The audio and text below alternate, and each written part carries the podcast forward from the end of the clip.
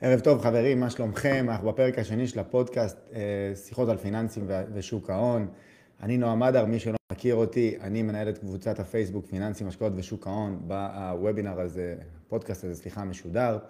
בנוסף, יש את ערוץ היוטיוב שלי.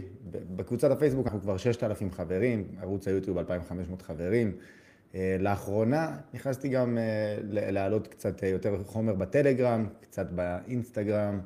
אה, וכמובן יש את אה, טלגרם הסקירות שלנו, שמי שלא יודע, שם אנחנו מציגים את התיק שלנו שהחברה אה, מחזיקה ועוקבת אחריו, ואנחנו מעלים סקירות לגבי המניות שלנו, פלוס עדכונים.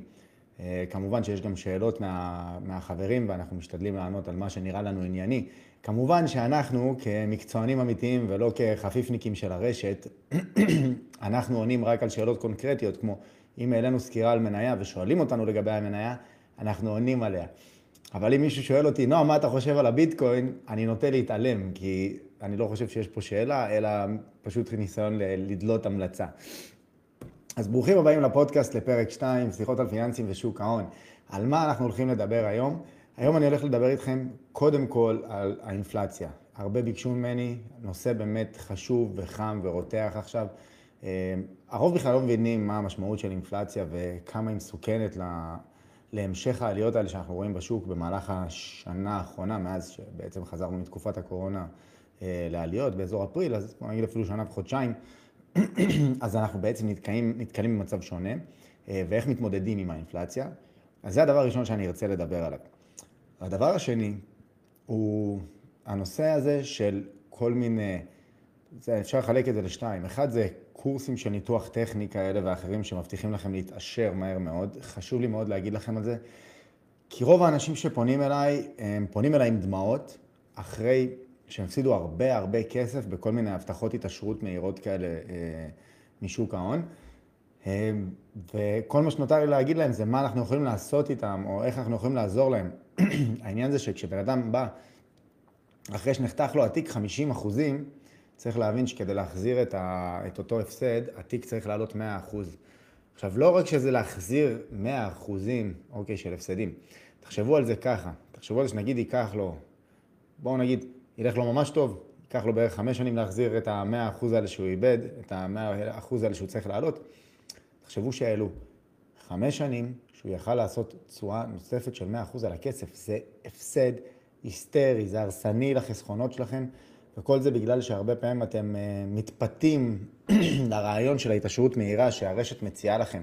כל מיני חבר'ה, אני בעיקר עוקב אחריהם באינסטגרם כדי לראות מה הם הולכים, מה הם הולכים להגיד לכם לעשות, ואני מהר מאוד רץ לכאן או לפוסטים שלי וכותב על זה, ואומר לכם להיזהר מזה. אני ראיתי אחד שכותב על זה שבקורסים שלו עושים תשואה של בין 3 ל-4 אחוזים בשבוע. שקר מוחלט, אף אחד לא עושה את זה, הוא לא עושה את זה, בינתיים כל מה שראיתי אותו מעלה זה lifestyle uh, של עשיר. בפועל הוא מעולם לא הראה אפילו גרף, או, שזה הבסיס של uh, ניתוח טכני שהוא סוג של מנסה ללמד, הוא מנסה ללמד גם אופציות, שזה בכלל סכנה לאנושות למי שלא יודע להתעסק. אני ראיתי כאלה שמדברים איתכם על לא ללכת ללמוד. עכשיו, זה כזה מטופש להגיד לבן אדם לא ללכת ללמוד.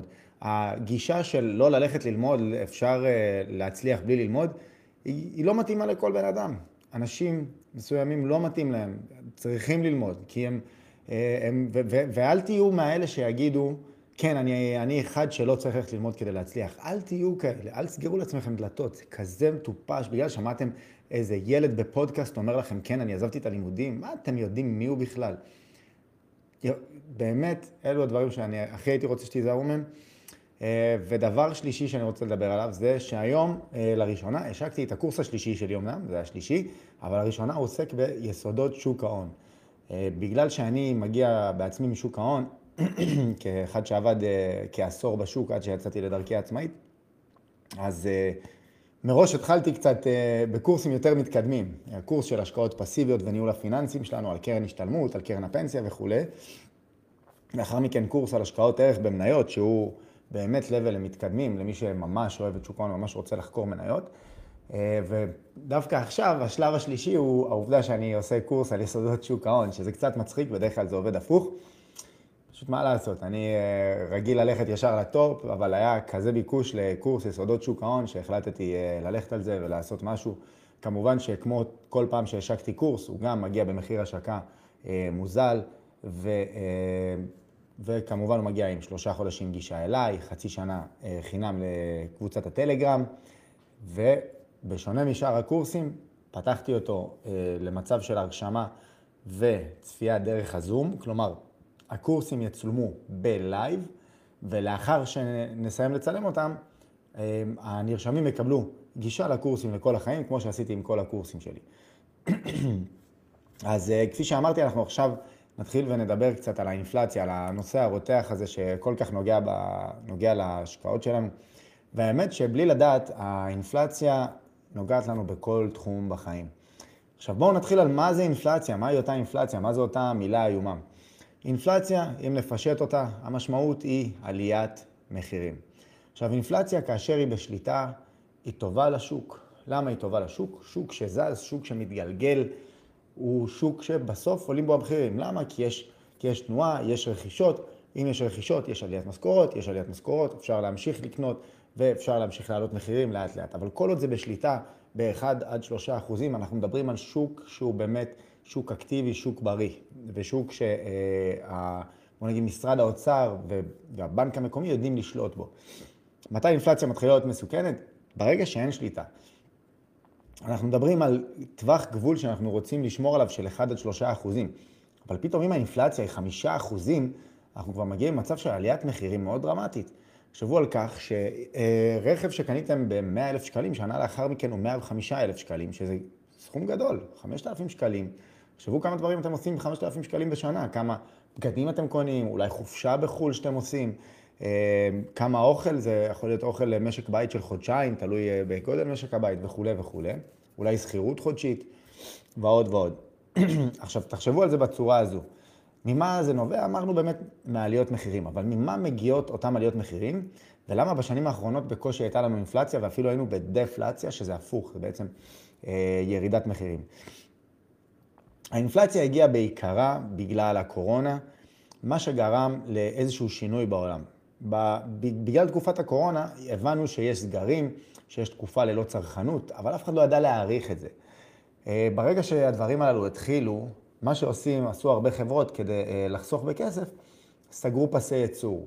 אה, מי ששואב נפט, אוקיי, חברות שהן יצרניות נפט ושואבות נפט, סגרו בארות בינתיים. כי כל דבר כזה, כל תפעול כזה של בארות נפט, של אה, מסלולי תובלה, של פסי ייצור, עולה כסף. ואם אפשר להשבית אותו לפרק זמן מסוים, אתה חוסך כסף. עכשיו, העניין הוא שכמו שלהשבית אותו זה אירוע, גם להפעיל אותה מחדש הוא אירוע. חשוב להבין שאנחנו עדיין בתקופת הקורונה, ככה שגם היום אותן חברות לא באמת יודעות כמה הן אמורות לייצר, כי העולם לא חזר ל-100% תפוקה. אוקיי, חזר לתפוקה כלשהי, אבל חזר לתפוקה גבוהה גם, אבל עדיין לא ל-100% תפוקה. והעולם עדיין לא יודע איך להתמודד עם זה. אז אחד הדברים העיקריים שעוד אנחנו רואים הוא אה, עלייה במחירי התובלה הימית. אוקיי, בעבר אה, משלוח מכולה היה עולה 4,000 דולר, אה, היה עולה 1,000 דולר, היום הוא כבר הגיע למצב של כמעט 5,000 דולרים. אנחנו מדברים על כמעט פי 5 על עלות שהייתה עד אה, לפני פחות משנה. תבינו, זה פי 5. אם דיברנו על עליית מחירים של 1 עד 3 אחוזים, אנחנו מדברים פה על עלייה של כמעט 500 אחוזים בטווח זמן של, בואו נגיד, פחות, פחות משנה אפשר להגיד. תבינו כמה זה מייקר כבר, כי תובלה זה בסוף, הכל אצלנו. לא משנה מה, אנחנו הכל אנחנו מובילים, ואנחנו נתקלים פה באיזשהו מצב. עכשיו, דבר נוסף שגרם לאותם עליות מחירים, הוא העובדה שאנשים היו בבית במשך, אה, במשך שנה. ראיתי באמת אה, אה, הרצאה של יניב פגוט, הכלכלן של הבורסה, לפני בערך שבוע, והוא הציג את כמות הכסף הפנוי שנוצרו בחשבונות משקי הבית בעובר ושב במהלך השנה האחרונה, והגענו לשיא כל, כל הזמנים של כמות כסף שמשקי הבית מחזיקים בעובר ושב. כל זה בגלל, בעיקר בגלל הקורונה, ברגע שהגענו לנקודה של, של אי ודאות, מה עשו אה, עיקר משקי הבית? קודם כל סגרו את החגורה אה, והתחילו להדק אותה. דבר שני, הם החליטו פשוט פחות לבזבז, כאילו, גם, גם על חופשות, כי אין על מה, אתה לא טס לחו"ל, אין טיסות, אין בתי מלון, אין מסעדות, אז לא רק שהם הידקו את החגורה מהלחץ, הם גם הידקו את החגורה כי לא היה להם על מה לבזבז. דבר בעייתי בפני עצמו. מה שמילא אותם בכסף. אבל מה כן עשו הרבה?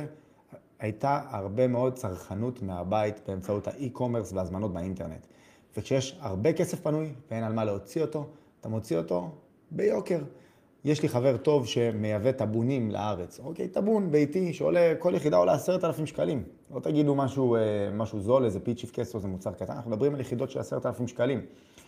ודיברתי איתו לפני, עוד לפני חצי שנה, אולי שמונה חודשים, אני זוכר, אמרתי לו, שאלתי אותו איך הולך עם העסק, הוא אומר, תקשיב, זו התקופה הכי טובה שלי, אין לי מה לספק. אוקיי, נגמר, נגמר, נגמר לו המלאי. כי הוא אומר, תחשוב, כל המשפחות האלה שהיו רגילות לטוס, ויש משפחות שטסות ב-100 אלף שקלים מדי שנה. אוקיי, משפחות אפילו לא מאוד עמידות, משפחות עמידות, שטסות באזור ה-100 אלף שקלים בשנה, כל המשפחה לחו"ל, איזה טיול גדול, ופתאום אין להם על מה להוציא את זה, ובשבילם לזרוק עשרת אלפים שקלים על איזשהו טאבון, זה באמת בקטנה, בעיקר שזה אה, חד פעמי ולא משהו שקורה כל הזמן, ושנת אי-ודאות כזאת שהביאה אותם למצב הזה. אז אנחנו מדברים באמת אה, על, על, על כך שבגלל שיש להם הרבה כסף, התחילו להוציא על דברים ודחפו את, ה, ודחפו את האינפלציה כלפי מעלה. עכשיו שימו לב שאנחנו גם מדברים על תקופה של ריבית אפס כמובן, וההוצאות הממשלתיות בכמה מדינות עלו. ולכן דחפו את, ה, את האינפלציה מעלה. דבר נוסף, אל תשכחו שאנחנו עדיין, אה, גם אם זה טיפה ירד וטיפה הושקט, אנחנו עדיין בתקופה של מלחמת סחר בין ארצות הברית לסין, שתי הכלכלות הגדולות והחשובות בעולם.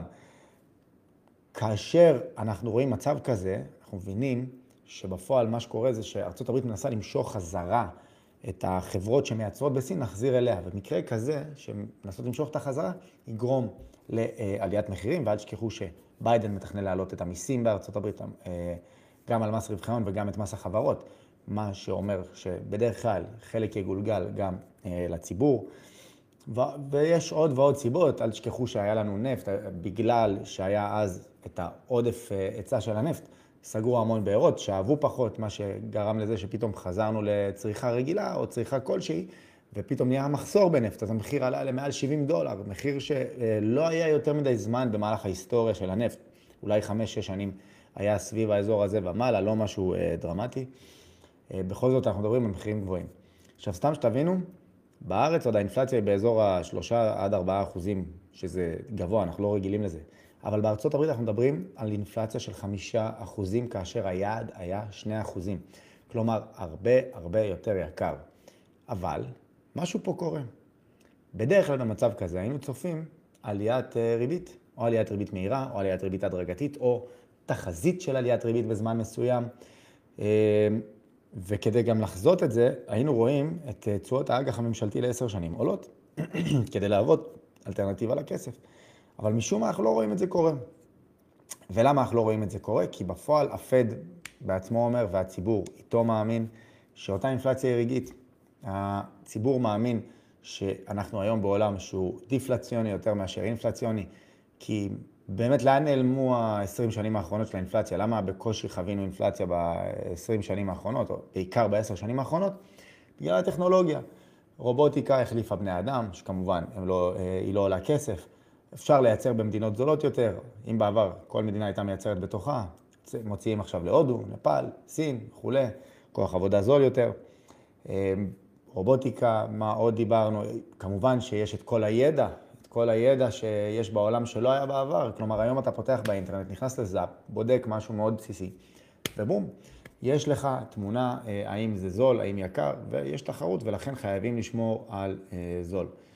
עכשיו, האינפלציה בישראל, גם כן, אמרנו, איך אנחנו בודקים אותו? קל מאוד, בודקים סל קנייה של השנה מול סל הקנייה של שנה, של שנה הבאה. עכשיו, זה קצת מצחיק, כי אה, בארץ תמיד חושבים שנורא יקר כאן. עכשיו, זה נכון שנורא יקר כאן, אבל לא, לא יקר כאן בשנים האחרונות. אנחנו בקושי רואים אה, עליית מחירים בעשור האחרון, אבל כבר הגענו לעשור הזה כשהכול היה מאוד יקר, ולכן כשאנחנו לא רואים ירידת מחירים או עליית מחירים, אז אנחנו לא באמת מבינים את זה. עכשיו, אם אתם רוצים רק דוגמה מאוד מאוד פשוטה, כדי אה, שאני אוכיח לכם ש... לא באמת יקר כאן. אגב, אני שם רגע את הנדל"ן בצד, כי הנדל"ן הוא עולם בפני עצמו, שהוא בפני עצמו באמת יקר והוא נובע ממשהו אחר לדעתי. תחשבו על עולם התחרות. אוקיי, ככל שיש יותר תחרות, חייבים להיות יותר יעילים, חייבים להיות יותר תחרותיים, חייבים למכור ביותר זול כדי שיבואו לקנות. ועד לפני אה, 15 שנים בערך, פלוס מינוס, היו במדינת ישראל שני, אה, שתי קמעונאיות גדולות, שופרסל, אוקיי? ומגה. אחת בכלל לא ידעה לעבוד, מגה לא ידעה לעבוד, לכן היא גם פשטה את הרגל, ושופרסל הייתה קצת יותר תחרותית. אבל ב-15 שנים האחרונות, ובעיקר בעשור האחרון, ראינו את התחרות גדולה, והיום יש את ויקטורי ופרש מרקט, וכמובן רמי לוי ששבר את השוק, אה, ועוד ועוד ועוד, וויקטורי, שמדבר בכל הזדמנות על איך הוא ורמי לוי מתנגחים אחד בשני ומי טוב יותר. אה, לא לדבר על זה ששופרסל הכניסה מותג פרטי, שכמובן, אגב, המותג הפרטי גם כן גרם להורדת מחירים. ומכירות אונליין, ויש את מאגר המחירים, שהרבה יותר קל להשוות את המחירים בסופרים, ואיפה כדאי לקנות, ועוד ועוד ועוד. ולכן הסופרים לא באמת התייקרו. עכשיו, אני יודע, הרבה פה ימחו על זה ויגידו לי, על מה אתה מדבר? פעם הייתי קונה בשר ככה, הייתי בונה בשר ככה, זה... תחשבו על מוצרי חשמל, שגם כן אותם קונים היום בסופר, ובעבר, בשביל לקנות מכונת כביסה, הייתם צריכים לעבוד חצי שנה, והיום, כדי לקנות מכונת כביסה, אתם מוצאים 1,000-1,200 שקלים מהכיס וקניתם מכונת כביסה.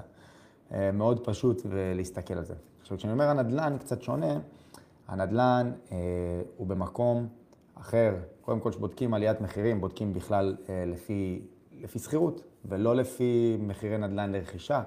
כשאנחנו מדברים על נדל"ן לרכישה, יש פה בעיה רצינית, אה, יש פה עליית מחירים, ש...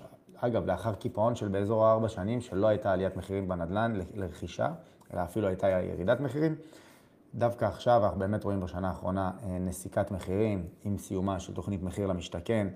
ועם העובדה שאין מה לעשות, ההייטק פה מזרים המון המון כסף. מי שקרא, אני לא זוכר אם זה היה דה מרקר או גלובס הבוקר, השכר הממוצע במדינת ישראל בתחום, בעולם, בתחום ההייטק, שימו לב, הוא 35 אלף שקלים בחודש, אבל זה לא הדרמה האמיתית. הדרמה האמיתית הייתה שהייתה עלייה של 25% בשכר הזה, אוקיי? בשכר בהייטק, ב...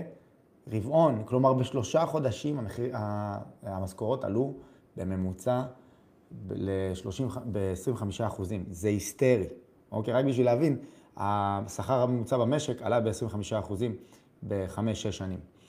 אה, אז תבינו כמה זה דרמטי וכמה זה היסטרי, וגם שימו לב שזה עלייה ממחירים גבוהים יותר, מסכומים גבוהים יותר. זה גם גורם לפערים מאוד, מאוד גדולים בשכר. אה, מה שמוביל אותי גם לדבר הבא, של הרבה שואלים אותי האם אה, לקחת עבודה בשוק ההון ומה צריך לעשות בשביל וכמה ואיך, ואני לא יודע איך להגיד לכם את זה.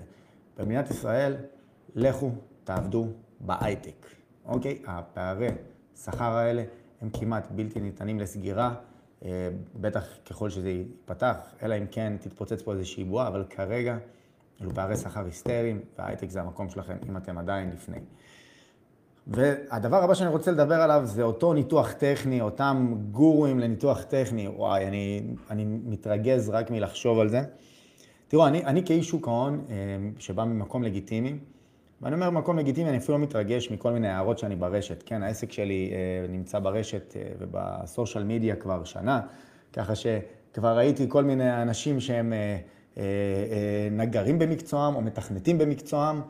או אה, לא יודע מה, אה, שוטרים במקצועם, ואומרים לי שאני לא מבין כלום על דברים שכתבתי. אני באמת לא מתרגש מזה, כי בסופו של דבר אה, זה לא שיח, זה א', ב', אם לי יש עשר ניסיון אה, בשוק ההון, לעומת חבר'ה שקראו אה, פעם או פעמיים גלובס, או עשו איזה קורס של ארבע שעות בניתוח טכני, אני לא מתרגש מכל מיני הערות, אה, ואני יכול להגיד לכם שהרשת החברתית, אוקיי, אם זה פייסבוק, אם זה אינסטגרם, אם זה מה שלא תחשבו, אלו המקומות שאתם הכי, הכי, הכי חייבים להיזהר מכל מיני גורואים רמאים למיניהם, מכל מיני כאלו שכותבים בנחרצות, בנחרצות אין קץ, תקנו ביטקוין, הביטקוין יגיע ל-100 אלף, תקנו טסלה, טסלה תשנה את העולם, תקנו אה, כל דבר שרושמים לכם.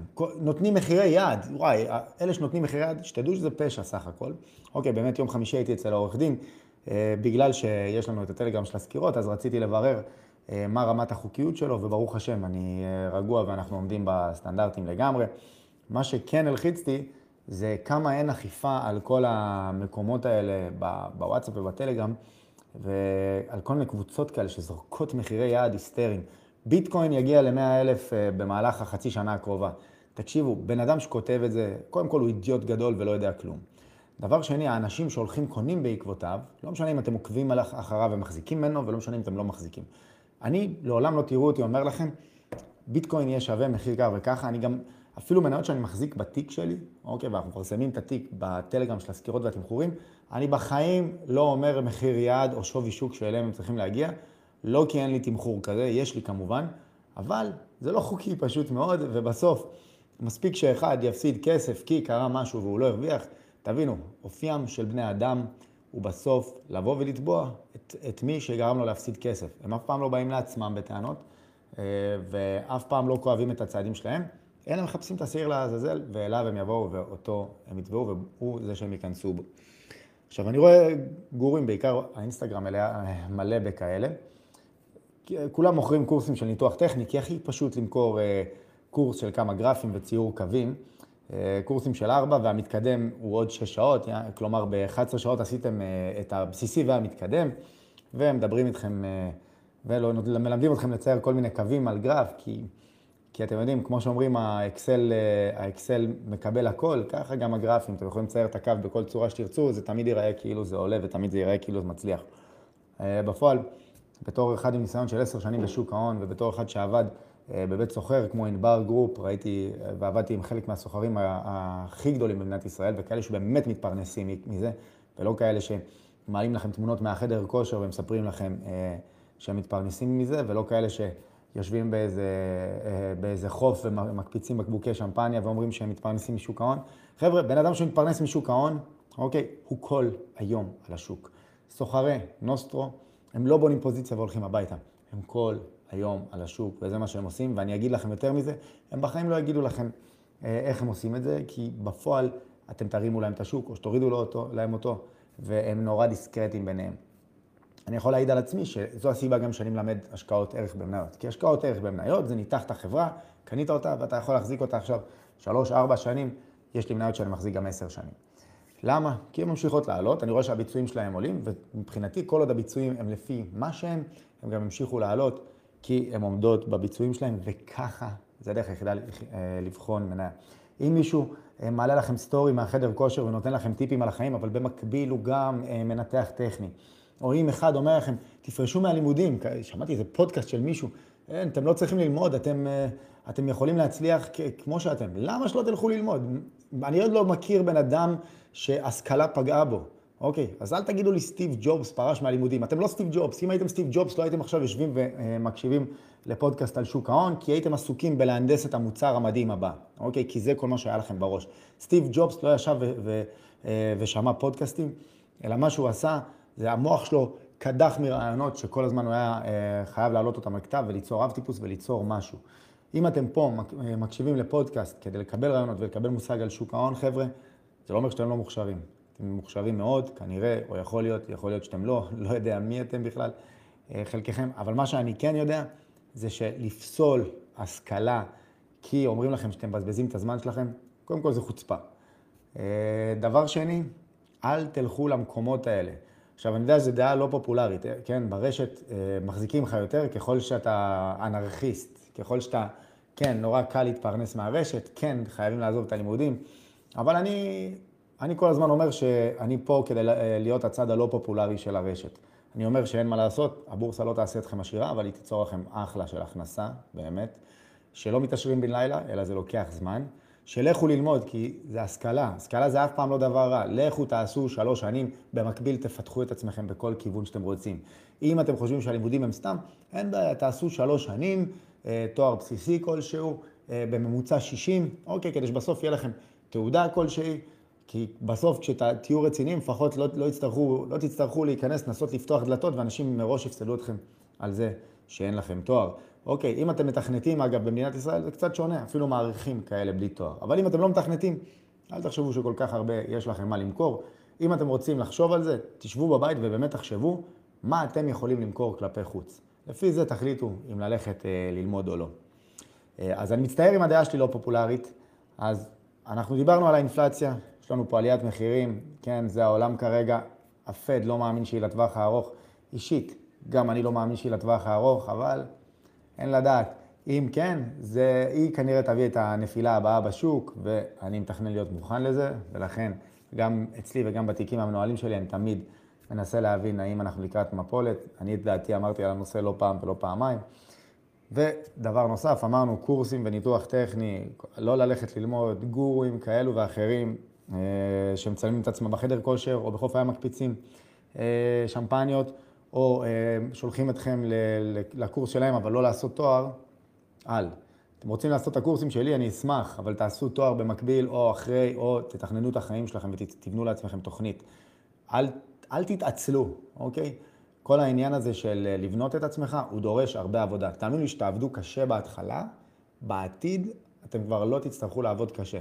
אלא אם אתם אה, מכורי עבודה כמוני, כי כמו שאתם רואים, אני עדיין ב-WeWork, ועוד בתשע אני עולה לוובינר, אבל זה סתם בגלל שאני מכור לעבודה, ותאמינו לי, אני, אני צריך ללכת לגמילה רק על זה.